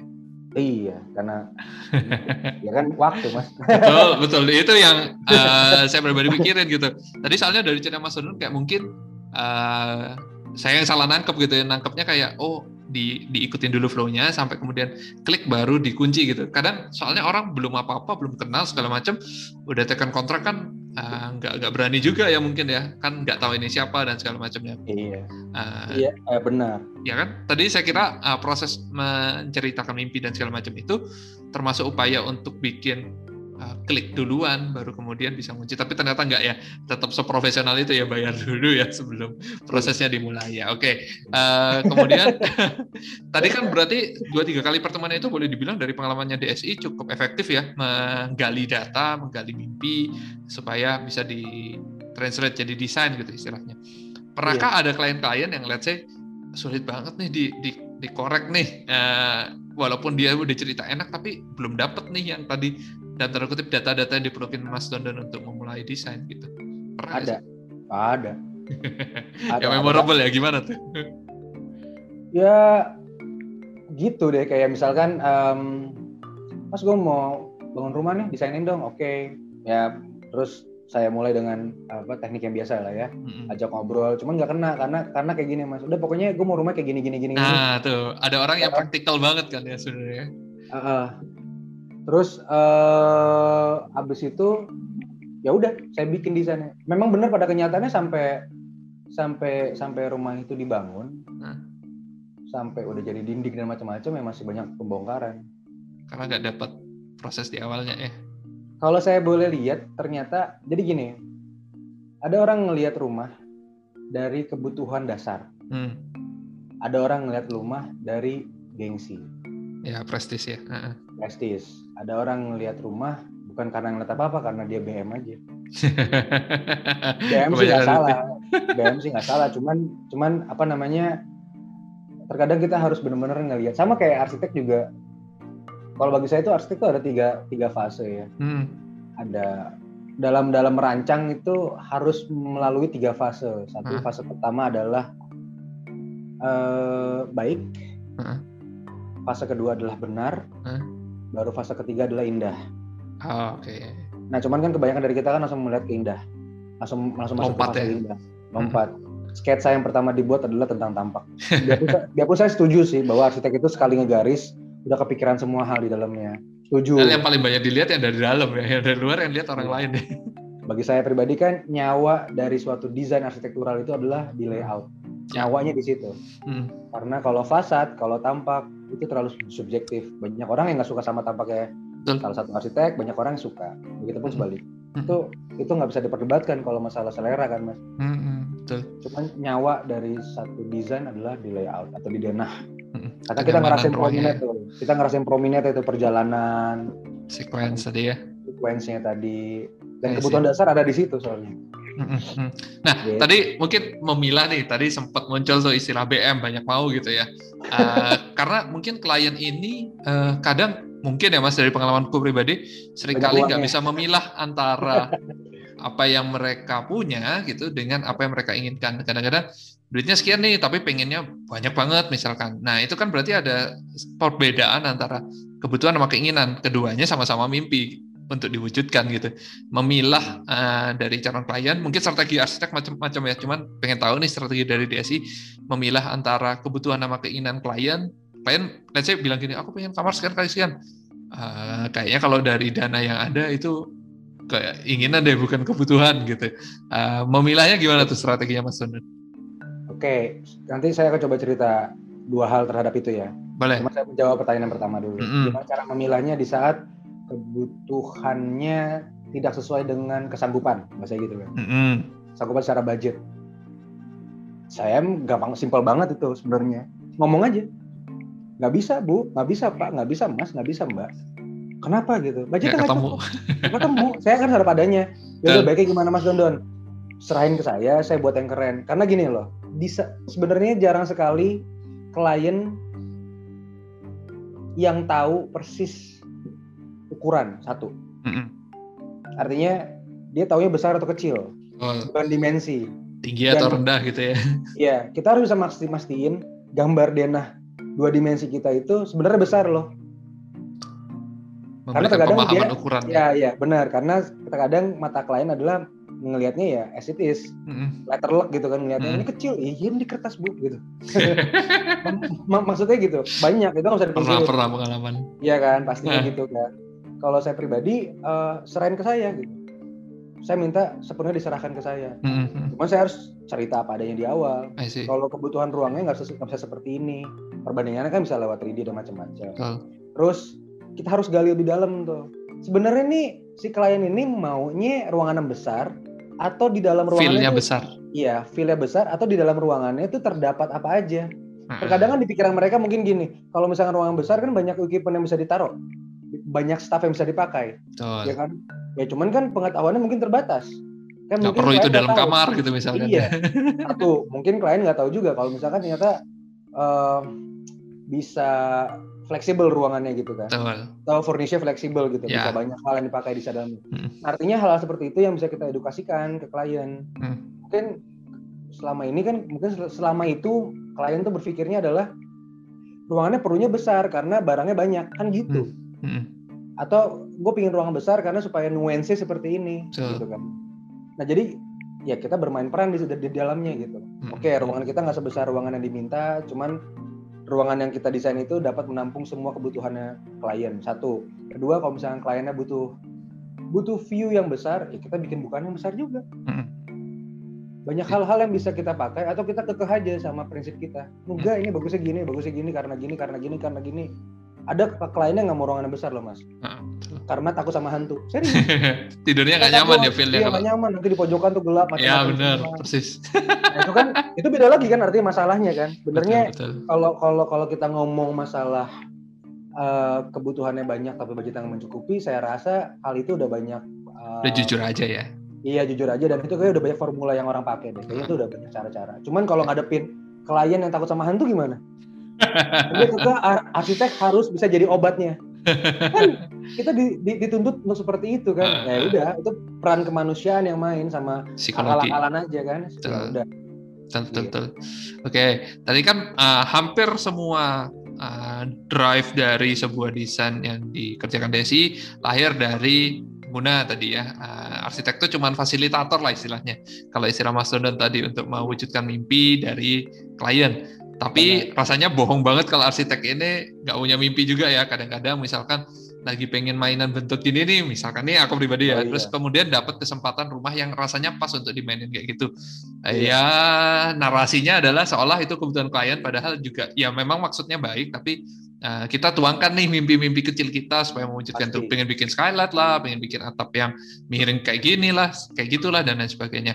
Uh, gimana strateginya Mas Dondon buat uh, menghadapi atau menstrategikan mimpi-mimpi dari perancangnya, bukan mimpi-mimpi dari yang dibantu dirancangkan. Oke, okay.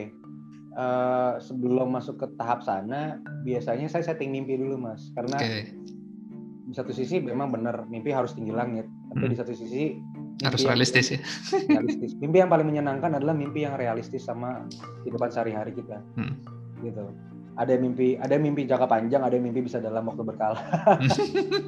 Yeah, yang pelan-pelan ya mewujudkannya. Ya iya. Kalau kalau tadi Mas Bram lebih ke arah cenderung apa namanya eksekusi mimpi terhadap hal-hal yang sifatnya detail dalam langgam arsitektur. Yeah. ya kan mm -hmm. kayak skylight terus mm -hmm. bentuk terutama bentuk. Yeah aduh ngelihat ngelihat desainnya arsitek ini jadi pingin deh miring terus iya betul betul. ya terus aduh pemakaian rosternya gini. Oh ini lagi lucu juga nih kalau rosternya digini lucu juga nih kalau misalkan ya, agak sedikit bahasanya dimain-mainin segala macam. Ya gitu gitulah ya biarpun uh tapi saya balik secara filsafatnya mas. Mm. apakah apakah itu menjadi mimpi semua orang atau mimpi kita secara otentik gitu? Yeah. bagi saya pribadi kan mimpi harus otentik. Mm kalau saya malam-malam mau mimpi ketemu perempuan yang saya suka misalkan gitu kan nggak kan bisa aja otentik gitu. Perempuan itu saya doang yang suka. Karakternya Mas Donun banget gitu ya. Hmm. Kalau kalau kalau nah Mas Bram juga ini aja lah kita jujur-jujuran aja lah Mas. Hmm. artinya kalau kita ngelihat dari langgam arsitektur Indonesia sekarang, terutama khusus Indonesia, saya rasa nggak jauh-jauh modelnya, ya kan? Betul, mirip-mirip semua sebenarnya. Mirip semua. Artinya sebenarnya itu itu udah kombinasi mimpi klien dan mimpi arsitek. Kalau mimpi klien tahu dari mana? Dari Pinterest, mm-hmm. Instagram. Betul. Mereka cari referensi secara mandiri ya karena. Benar. Mimpi arsitek dari mana? Ya dari Instagram sama Pinterest juga. Betul. Kita nggak bisa pungkirin dari dari dari referensinya atau arsitek-arsitek idola si arsitek tersebut ya kan? Ya. Gitu kan. Saya nggak makanya kalau bicara masalah mimpi yang seperti itu mungkin terlalu bias karena hmm. itu udah bukan kayak jadi mimpi kalau bagi okay. saya pribadi gitu. Menarik, menarik. Ya, ini saya coba jujur-jujuran apa Boleh. aja gitu. Kalau kalau mimpi seperti itu. Kalau okay. kalau kalau misalkan tapi misalkan Mas Bram ke kan misalkan, ada Mas jawab aja deh mimpinya mau kayak gimana? Iya, saya punya mimpi untuk ngomongin masalah langgam bangunan atau fungsi bangunan di dalam bangunan misalkan gitu. Oke, okay, oke. Okay. Fungsi arsitektur atau fungsi ruang di dalam suatu bangunan. Saya pingin bikin saya pingin bikin kamar mandi transparan cuman di tengah-tengah ruang antara living room sama apa dining room. Pasti akan dibilang tidak etis kan? Karena itu mimpi saya gitu. Tapi dengan nah. tetap memenuhi fungsinya kan, maksudnya tetap bisa mandi dengan nyaman segala macam sekarang gini mas kalau kita ngomongin arsitektur kan kita ngomongin sebenarnya ngomongin ngomongin zaman mas hmm. ngomongin zaman sebenarnya ngomongin peradaban ngomongin peradaban sebenarnya ngomongin behavior tata cara perilaku ya. orang hmm. culture dan macam-macam you name it deh mas nah kan nggak menutup kemungkinan kalau 50 sampai atau 100 tahun lagi kehidupan orang tuh benar-benar berubah. Iya. Yang tadinya tabu sama sekali nggak tabu. Betul. Gitu kan ya. Arsitektur perannya di situ apa? Banyak. Arsitektur tuh mewadahin sesuatu yang memang dibutuhkan sama orang-orang pada pada zamannya. Mm-hmm. Makanya arsitektur akan sesuai dengan zaman, bukan hanya di langgam tapi di Betul. kebutuhan, cara Betul. hidup, pola pola hidup, perilaku dan macam-macam. Yeah. Itu yang saya tekankan. Jadi kalau nanya mimpinya ada nggak? Mimpinya yang kayak gitu-gitu. Saya tarik saya tarik mimpi saya yang di 100 tahun ke depan yang tadinya tabu jadi tabu di sekarang. Tapi kan nggak jadi mungkin. Kalau kalau boleh flashback sedikit mas, tugas akhir saya itu, uh-huh. saya, saya ngambil ngambil temanya perilaku. Hmm Terus kebetulan waktu itu Binus ngasih untuk bikin desain Wisma Atlet. Hmm. Biasa Binus selalu waktu zaman saya itu uh, mengadaptasi hunian. Ah. Jadi waktu itu di Wisma Atlet terus saya ngambil temanya perilaku. Hmm. Konsepnya itu uh, fleksibilitas, di, di, di dalamnya itu ada vertibilitas, ada hmm. apalah saya lupa lah itu ya hmm. secara ilmu. Cuman saya ngasih langgam, artinya gini. Terus waktu itu kalau nggak salah pembimbing saya ada dua kan salah satu Bu Mila nah, waktu, waktu itu kalau nggak salah pembimbing saya nyuruh kok bukan bukan nyuruh lah artinya kita sebagai peserta tugas akhir waktu itu disuruh untuk kayak coba cari data tentang wisma atlet dan atlet hmm. gitu saya tertarik waktu itu saya punya banyak teman yang memang atlet hmm. jadi dan menggali beneran pingin, data dari ya. atlet beneran ya dan saya pengen jujur sama desain kan saya pengen yeah. jujur sama desain yang saya tahu atlet jadi waktu saya main sama atlet wah kita party bareng terus kita senang-senang bareng gitu. Saya jadi tahu. Saya nggak perlu ngegali kayak, eh gue mau tugas akhir nih, saya mau. nggak klise lah ya istilahnya. Enggak lah gitu. Saya ngelihat gitu, ngelihat ngerasain bareng kayak, oh gini, oh gini. Gitu. Akhirnya saya buat sesuatu, saya buat bentuknya itu ya kalau mau dibilang ya tabu lah ya, nggak boleh ceritakan. Tapi itu menjadi tantangan gitu. Ya, Akhirnya yeah, yeah. dirubah doang secara kata. Artinya, artinya itu mimpi-mimpi saya tuh kayak sebenarnya adalah kita jujur nggak sih sama sama desain kita? Apakah sama ini kita nggak jujur sama desain kita gitu? Hmm. Kalau kalau kita ngomongin desain dari sisi arsitek dan mimpi dari sisi arsitek gitu, apakah kita jujur sama mimpi kita apa hmm. benar-benar kita punya mimpi apa enggak apakah okay. zaman sekarang arsitek nggak punya mimpi atau arsitek itu udah jadi kayak robot oh disuruh desain ini, weh, eh masuk desain baru nih, dapat klien baru, ya udah buka Instagram, kita coba cari-cari yuk referensi, malam ini kita sketsa. Ya bullshit mas, kalau begitu pribadi. Iya, ya, gitu loh, bener kan? Hmm. Mimpi hmm. saya adalah sebenarnya kita kembali bener-bener punya mimpi, itu mimpi saya. Okay. Karena bagi saya sama so far kebanyakan dari mayoritas yang saya lihat adalah kita nggak punya mimpi. Ya kita, ke drive aja sama kondisi ya kehidupan ke, yang relate sama sosial media itu tadi ya. Setuju. Ya kita ke drive juga sama desain, terus kita bikin desain, desain dimasukin ke dalam platform sosial media, terus baru kepikiran deh konsepnya apa. Ya hmm, ke hmm. zaman kuliah kita nggak hmm. mikirin konsep di awal, jadi bangunan baru baru dulu sama konsep gitu kan. I see. Nah, uh, mungkin lanjut sedikit dari pembahasan yeah. Mas Dodo tadi menarik banget. Maksudnya mimpi itu uh, pemaknaannya lebih jauh gitu ya. Mimpi yang benar-benar visi ke depan atau sekedar keinginan-keinginan iya. sesaat gitu ya istilahnya ya. Nah, nah, tadi kan lebih ke sensasi ruang gitu ya. Ada ada yang transparan, posisinya yang enggak lazim tapi menyebabkan sensasi tertentu misalkan ya um, sehingga itu mimpi yang mungkin agak jauh gitu yang sekarang uh, mungkin coba jujur mengakomodasi kebutuhan klien dan seterusnya tapi kan um, arsitek ini kompetitornya banyak banget ya setiap tahun lulusan tuh banyak banget. Skill juga meningkat drastis dari yang bawa-bawa yang muda-muda segala macam. Bener. Nah untuk bisa set uh, karakter DSI dalam rangka untuk apa ya membedakan dari sekian banyak ya kompetitor yang mengerjakan residential juga let's say seperti itu um, apa sih yang ditonjolkan? Apakah services? Apakah let's say bentuk tampilan atau kenyamanan yang didapatkan kliennya apa sih yang uh, yang menjadi karakternya DSI sebenarnya? Yang menjadi nah, pembeda sama yang lain? Pertanyaan tricky banget. Tunggu saya pilih kata yang supaya nggak jadi. Karena gini kan uh, setiap yang aku pribadi ajak ngomong pasti ada value-nya kan. Uh, dan itu biasanya tercermin lewat uh, delivery-nya si uh, biro-bironya gitu. Kan nggak mungkin ya hanya sekedar iya betul memang memenuhi kebutuhan kita gitu ya mendesainkan orang kita dibayar uh, memenuhi kebutuhan kita pribadi dan seterusnya. Tapi kan ada idealisme-idealisme tertentu yang uh, butuh disalurkan supaya ini tetap nyala apinya gitu ya, nggak sekedar iya, rutinitas iya. harian gitu paham kok artinya kayak kayak mempertahankan ketenaran gitu kan uh, bukan ketenaran sih lebih ke ada ada sesuatu yang bikin kita pengen bangun aku pengen ngerjain ini nih karena passionnya di situ gitu karena ada kenikmatan yang saat mengerjakan itu misalkan yang menjadi karakter misalkan ya kalau tadi saya ngomong ketenaran kan sebenarnya itu bahasa gamblang mas paham kok kalau misalkan value yang pengen diangkat ya sebenarnya itu dari apa namanya Oke okay lah, saya skip dulu itu. Cuma saya jawab pertanyaan Mas Bram. Oke. Okay. Oke. Okay. Kalau saya pribadi saya lebih tidak melihat kompetitor sebagai kompetitor, Mas. Oke. Okay. Karena itu salah bagi saya. Mm. Bukan. Dengan adanya dengan adanya perkembangan yang silih berganti seperti pemusik yang ada di YouTube, mm. paham nggak sih Mas maksudnya Mas? Yeah. Kayak kayak siklus aja. Ini, ya. ya kayak siklus aja gitu kan. Ini gimana cara ini gitu. Mm. Kan sekarang sudah berganti nih gitu. Yang udah punya nama kan yang yang di atas yang senior kan udah bertahan terus menerus hmm. aja. Betul. Ya pasarnya jelas banget udah hmm. gitu. Jangan perlu diragukan. Cuman kita kita ini nih yang yang gimana ya untuk untuk bertahan atau terus malah lebih melejit meningkat. gitu kan, hmm. meningkat lah ya. Kalau saya pribadi saya nggak ngeliat ke arah sana. Saya coba nggak banyak nggak banyak embel-embel atau trik untuk lebih ke arah mempertahankan tersebut atau gimana. Nah pada dasarnya begitu saya dikasih satu tugas begitu saya dikasih satu tugas saya coba benar-benar untuk nyenengin yang ngasih tugas hmm. ya nyenengin aja nyenengin aja mas nyenengin tuh nggak nggak nggak pakai teknik macam-macam mas. Nyenengin tuh nyenengin aja gitu. Gimana ya orang kan beda-beda ya disenenginnya hmm. beda-beda gitu kan. Jadi jadi nggak ada teknik nyenengin orang tuh nggak ada sebenarnya ya. Klien kita kayak gini ya kita senengin dengan cara klien tersebut. Tekniknya paling itu paling dasar. Sebelumnya nggak. Saya berarti macam-macam. Memilih untuk kalau kliennya senang, ini akan memasarkan uh, Mas Dono dengan sendirinya ya. Dia akan cerita ke rekannya, ini aku tinggal di rumah hasilnya karyanya DSI, super nyaman, uh, dapat rekomendasi dan seterusnya, gitu kan?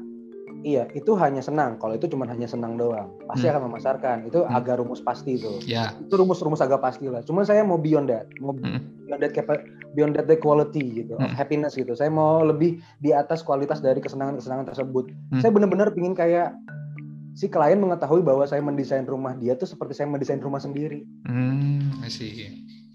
Prosesnya berarti menjadi penting ya, proses dalam mendesainnya. Ya bukannya kita diajar desain pakai hati, Mas. Ah, betul, betul. Ya kan? Sepakat. Ya pun, iya, ya artinya artinya saya nggak mau banyak embel-embel, tetek bengek kalau hmm. kalau ya saya kalau kalau kalau dia sendiri kalau bicara masalah karakter ya saya lebih mendingan dibilang nggak punya karakter dalam mendesain karena itu dia saya bilang tadi kita nggak boleh kosakata desain kita nggak boleh terbatas. Mm-hmm. Don desain rumah klasik don, tapi fit Instagram saya semuanya kontemporer misalkan gitu. ya. ya. Bisa-bisa aja, ayo gitu. Filosofi klasik itu menyenangkan kok. Kita jadi mm-hmm. banyak belajar tentang banyak filosofi terhadap langgam. Gak menutup diri ya intinya ya. Membuka ya. terhadap sekian macam eksplorasi yang datang gitu ya. Yang penting mampu menerjemahkan mimpinya klien dan di deliver sebaik mungkin. Itu aja fokus di situ mungkin ya. Yang Bener. menjadi DSI banget gitu ya. Normatifnya gitu. Hmm. Kalau kita ngomong khususnya, khususnya lebih ke arah gini. Uh, saya malas sih mas kalau bicara masalah langgam-langgam lagi ya gitu. Hmm. Karena bagi saya semua semua sama kok langgam gitu. Zaman hmm. sekarang semua sama kok langgam. Mas Bram juga pasti udah bisa ya, lihat lah ya. Betul. Cuman saya lebih ke arah gini nih. Deliver mimpi.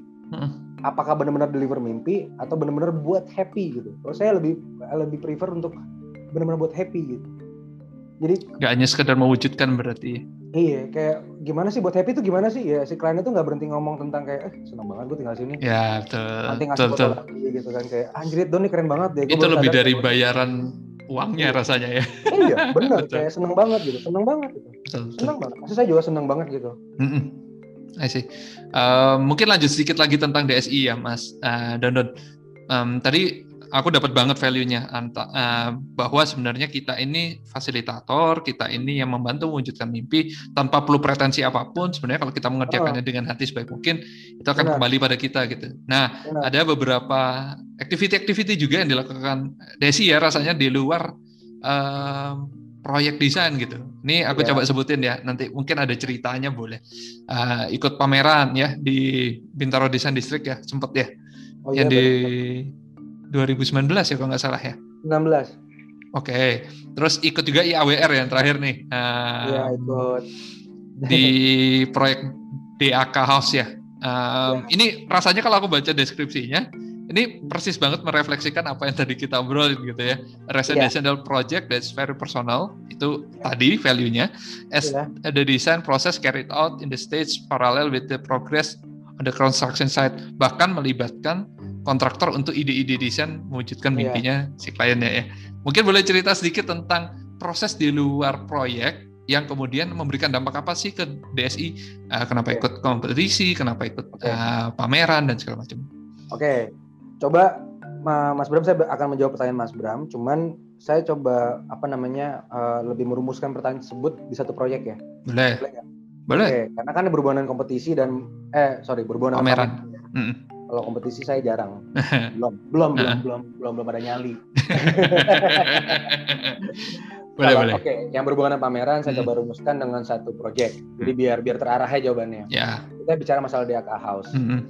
Kalau Mas ngelihat narasi DAK House itu, kalau kalau saya boleh cerita jauh sebelum jauh sebelum itu kita hmm. ngomong Bintaro Design District hmm. 2019. Sebenarnya DAK House itu tercipta bukan hanya dari hasil yang ternarasikan di DHK House hmm. di ya, ya pada pada umumnya kayak di IWR kayak gitu-gitu hmm. kan di Instagram gitu. Yeah.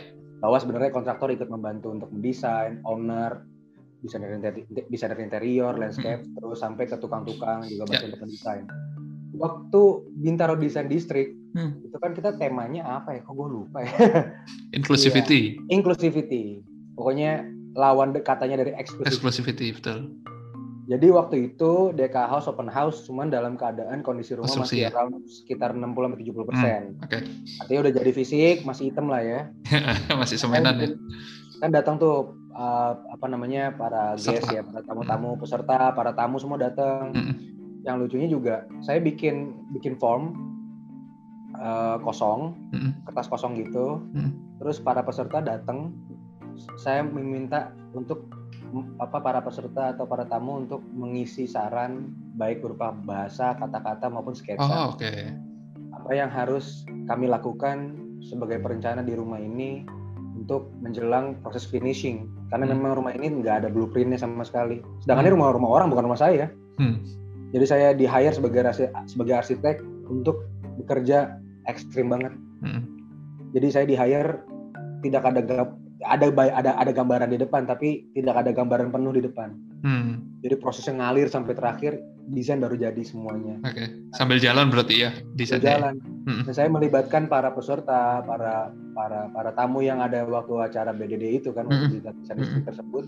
Jadi mereka tuh nge-sketsa nanti kalau bisa nanti railingnya gini nanti kalau bisa lantai asik ya ada orang awam gitu ini kalau bisa nanti rumputnya rumput ini ya lucu. Ada yang macam-macam nanti kamar yeah, yeah, yeah. banyak banget.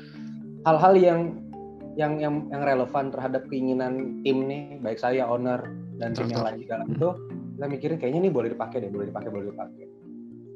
Di luar itu ya benar memang si desainer interior benar-benar eh sorry kontraktor interior tersebut memang benar-benar saya nggak pakai desainer interior kok saya desainer interior pada hmm. waktu itu. Si kontraktor interior itu memang benar-benar ngebantu proses ngedesain sampai ke saya punya ide untuk bikin semua custom kayak misalkan handle. Hmm, detailing gitu kan. detailingnya gitu ya. Ya memang custom. Hmm. desainnya juga dipikirin bareng-bareng. Kadang-kadang dari tukang. Tukang malam-malam itu ngasih voice note pak besok pagi datang ke proyek. Saya mau ngasih sketsa. Ngasih sketsa tadi malam saya apa pikiran namanya, ini gitu. Pikiran ini buat apaan kan ya datang dulu pak. Gitu kayak gitu gitu si owner juga punya kebutuhan yang aneh-aneh. Kadang-kadang suka ya kayak kadang-kadang si owner nyari uangnya dari main FIFA kayak gitu hmm. gue kan wah berarti dia gamers banget tapi nggak gamers banget ownernya MLM kan gue berarti hmm. harus kayak gini kalau nyambut tamu kayak gini gitu nanti benar-benar diskusi jadi saya ngerasain di di di di proyek itu hmm. kayak kayak bener-bener keseluruhan yang ngedesain buku arsitek hanya sebagai penggagas utama aja. Ya ya. Gitu. Jadi kolaboratif desain ya intinya ya banyak yang berperan gitu ya kayak bener-bener kolaborasi gitu loh. Yang nah. kolaborasi tiga orang-orang emang yang kalau kita bilang nggak kompeten nggak kompeten mas. Tapi memang mungkin itu kalau dikaitkan ke mimpi bisa juga ya orang-orang yang menyampaikan ide tadi itu mungkin punya mimpi tapi um, belum ada mediumnya untuk menyalurkan. Uh, kebetulan Mas Undon menyediakan mediumnya untuk menyampaikan mimpinya, Jadi, akhirnya tersampaikan di situ gitu ya. Gila penyedia mimpi gue. terus kemudian itu kan tadi tentang BDD, terus kemudian nah, ikut serta nih ke IAWR, ada pesan tertentu nggak sih yang ingin disampaikan lewat pameran ini? Pameran itu kan artinya nggak sekedar show off, nih gue bisa ya, ini, iya. gue bisa itu gitu ya. Tapi let's say misalkan akan ada selalu pesan-pesan gitu ya, walaupun mungkin uh, tergantung arsiteknya ya, iya. uh, yang ingin disampaikan. Pak tadi dari narasinya kan itu ya sangat personal, terus tentang kolaborasi. Uh, ada yang di luar itu nggak sih? Atau gimana sih perannya ikut serta ke pameran ini untuk apa gitu? Iya, kalau kalau kalau kalau pesan-pesan artinya ingin nyampein pesan apa gitu kalau mm -hmm, betul. Ya. pesan yang disampaikan sebenarnya saya nggak muluk-muluk, masih kepada konsep dasar awal aja. Kalau kalau perancangan rumah terlihat sederhana, biarpun mm -hmm. uh, saya nggak mau nggak mau nunjukin langgam atau bentuk dari desain saya tersebut. Kalau ya. kalau kalau kalau ngeliat bentuk desain mas, saya kalah jauh sama yang lain mas. kan? Cuman saya benar-benar pingin nunjukin kalau desain yang ikut desain yang saya sertakan di pameran tersebut itu bukan desain hasil saya sendiri loh. Hmm. Membawa banyak orang ya. Iya dan apa bukan hanya bukan bukan bukan hanya bluff doang, bukan hanya bluff semata aja, tapi benar-benar kenyataannya bener -bener, memang seperti kenyataannya itu. memang seperti itu dan menarik. Sampai, uh, artinya kan kebetulan ya WR tahun ini kan konsepnya atau temanya keterasingan kalau nggak salah. ya kalau nggak salah itu. Artinya ini memang benar-benar asing bagi bagi saya untuk untuk kolaborasi yang sedemikian berupa. Seliar itu ya mas ya.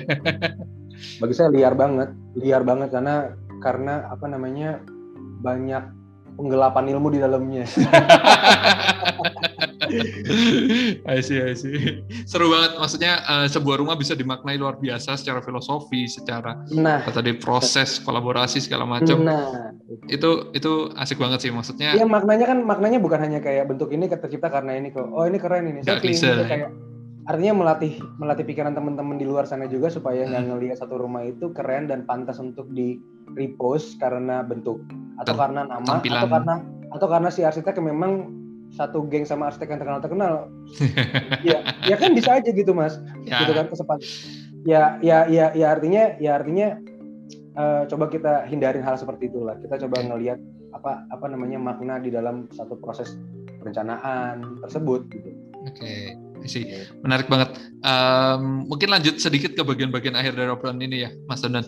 Um, dari tadi proses yang kemudian bisa berpikir sangat filosofis memaknai sebuah rumah yang mungkin terlihat dari luar kayak rumah pada umumnya normal ternyata prosesnya luar biasa menarik gitu uh, sangat filosofis sekali adakah arsitek walaupun mungkin tanpa bermaksud untuk harus mencontoh dan lain sebagainya ya arsitek yang dijadikan panutan untuk belajar yang menginfluence lah istilahnya uh, Mas Tundan dalam berkarya. Nggak harus dari karyanya, dari proses berpikirnya, dari tadi kan sempat kesebut tuh Soekarno gitu. Tapi ada nggak sih yang yang arsitek-arsitek lain yang menginfluence cara berpikir dan filosofinya okay. DSI? Um, ada beberapa. Hmm. Uh, susah juga sebutin sih. Ada beberapa satu satu tuh saya su saya suka sama Frank Lloyd Wright. Oke. Okay. Karena uh, kehidupannya berantakan. Gini mas, kalau kita suka sama satu hal, kita pasti akan mendalami oh, segala sesuatu. Wow. Artinya, artinya nggak cuma hanya karya kan. Karya kan banget ada, ya. Karya ada yang saya suka, ada yang enggak gitu. Iya, kan. iya. Gitu kan. Hmm. Satu, uh, saya suka sama Frank Lloyd Wright hmm. sama arsitek-arsitek pada generasinya lah ya. Okay. Bukan berarti sama Louis Kahn saya suka gitu. Hmm. Yang yang kehidupannya agak sedikit berantakan. Dan arsitek tuh saya suka arsitek zaman dulu karena ngerokok mas. itu itu the one and only pembelaan saya kalau saya lagi tentang sama teman-teman yang lain. asih asih. Ya. Berarti kalau, ada nggak sih uh, yang sekarang-sekarang gitu? Ada, ada yang sekarang yang sekarang um, kalau yang luar saya suka sama si Big, si hmm. Black Ingles ya. Hmm. Saya, saya suka karena dia muda, asik, terus apa namanya? Kalau eksploratif ya. Eksploratif banget ya kalau ngeliat dari dia buat skemanya, hmm. buat diagramnya kayak komunikasinya ya. Iya. Terus kalau kalau lokal nih, hmm. kalau lokal saya suka sama Mas Riri. Hmm. Saya sering ngobrol sama Mas Riri, berkali-kali ngobrol. Mas Riri sering banget ngingetin ke saya kalau misalkan kayak cuman ngingetinnya secara privat gitu, Don misalnya saya habis ngepost satu habis ngepost satu desain gitu. Hmm. jangan gitu remnya ketinggian nanti nggak bagus. Saya masih saya ngerasa saya masih kayak murid gitu. Saya seneng gitu mas. Diingetin terus gitu ya? Iya. Mas Riri itu secara desain itu kosa katanya nggak terbatas. Dia ya ada orang yang suka sama desainnya ada yang enggak ya, saya pun gitu. Ada ya. da, da, dari semua desainnya Mas Riri ada yang saya suka ada yang enggak hmm. karena desainnya nggak terbatas. Betul. artinya dia bisa desain model kayak gitu banget atau kayak gini banget gitu. Hmm. Ya? karena jadi uh, saya suka dari pemikirannya aja okay. dan agak sedikit ada agak sedikit soliter. Saya saya saya soliter soalnya. Rasanya arsitek walaupun kerjanya bertim akan menikmati kesendiriannya untuk berkontemplasi, Benar, memikirkan kata, ide ini itu gitu ya. Kata Nikola Tesla, kalau mau ketemu sesuatu yang ajib sendiri deh. uh, betul betul betul. Gitu. Karena bisa membaca diri sendiri jauh lebih dalam gitu ya dibandingkan yeah. saat bersama orang lain. Um, ya tadi menarik sekali nama-nama yang tersebutkan gitu ya. Bahkan termasuk eh, yang nggak senior amat tapi yang tetap eksploratif gitu ya. Kayak Mas Riri juga ini sebenarnya aku ada rencana juga ngajakin Mas Riri ngobrol di sini gitu. Tapi mungkin nanti nyari waktu yang lebih pas aja sih. Um, satu lagi mungkin Mas Dondon. Tadi kan okay. kalau bicara mimpi sempet tuh sebutkan pengen bikin kamar mandi yang yeah. transparan di ruang keluarga dan segala macamnya. Um, ada mimpi let's say gini bahasanya proyek yang mampu mentranslate filosofinya yang Mas Donon inginkan. Uh, proyeknya apa, terus filosofinya apa gitu deh.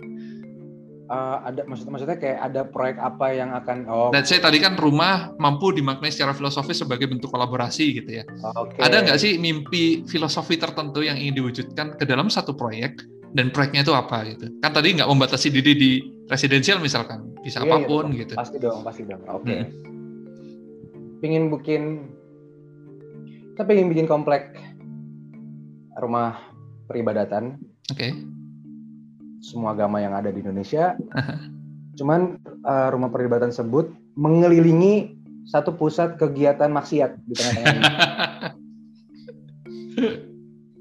Iya, tapi kayak bener-bener kayak bener-bener satu apa namanya satu entrance gitu sebenarnya. Mm -hmm artinya itu kalau kalau secara konsep itu hmm. filosofinya kalau hmm. filosofi seperti apa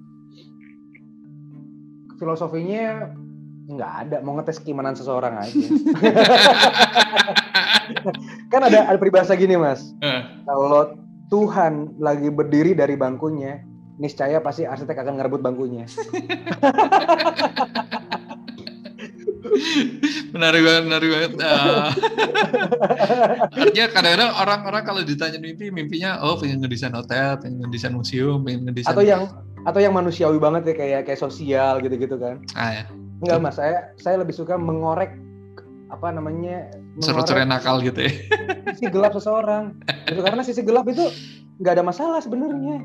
Gelap kan cuma sekedar warna doang, Mas. Hmm. Nggak ada yang bisa disalahkan gitu kan. Betul, nah, betul saya juga kayak kalau ngelihat yang terlalu sosial gitu juga juga gimana gitu itu sebenarnya sisi gelap seseorang juga yang terlalu terlalu bersosial gitu juga sisi gelap seseorang bagi saya pribadi kan oke okay, oke okay.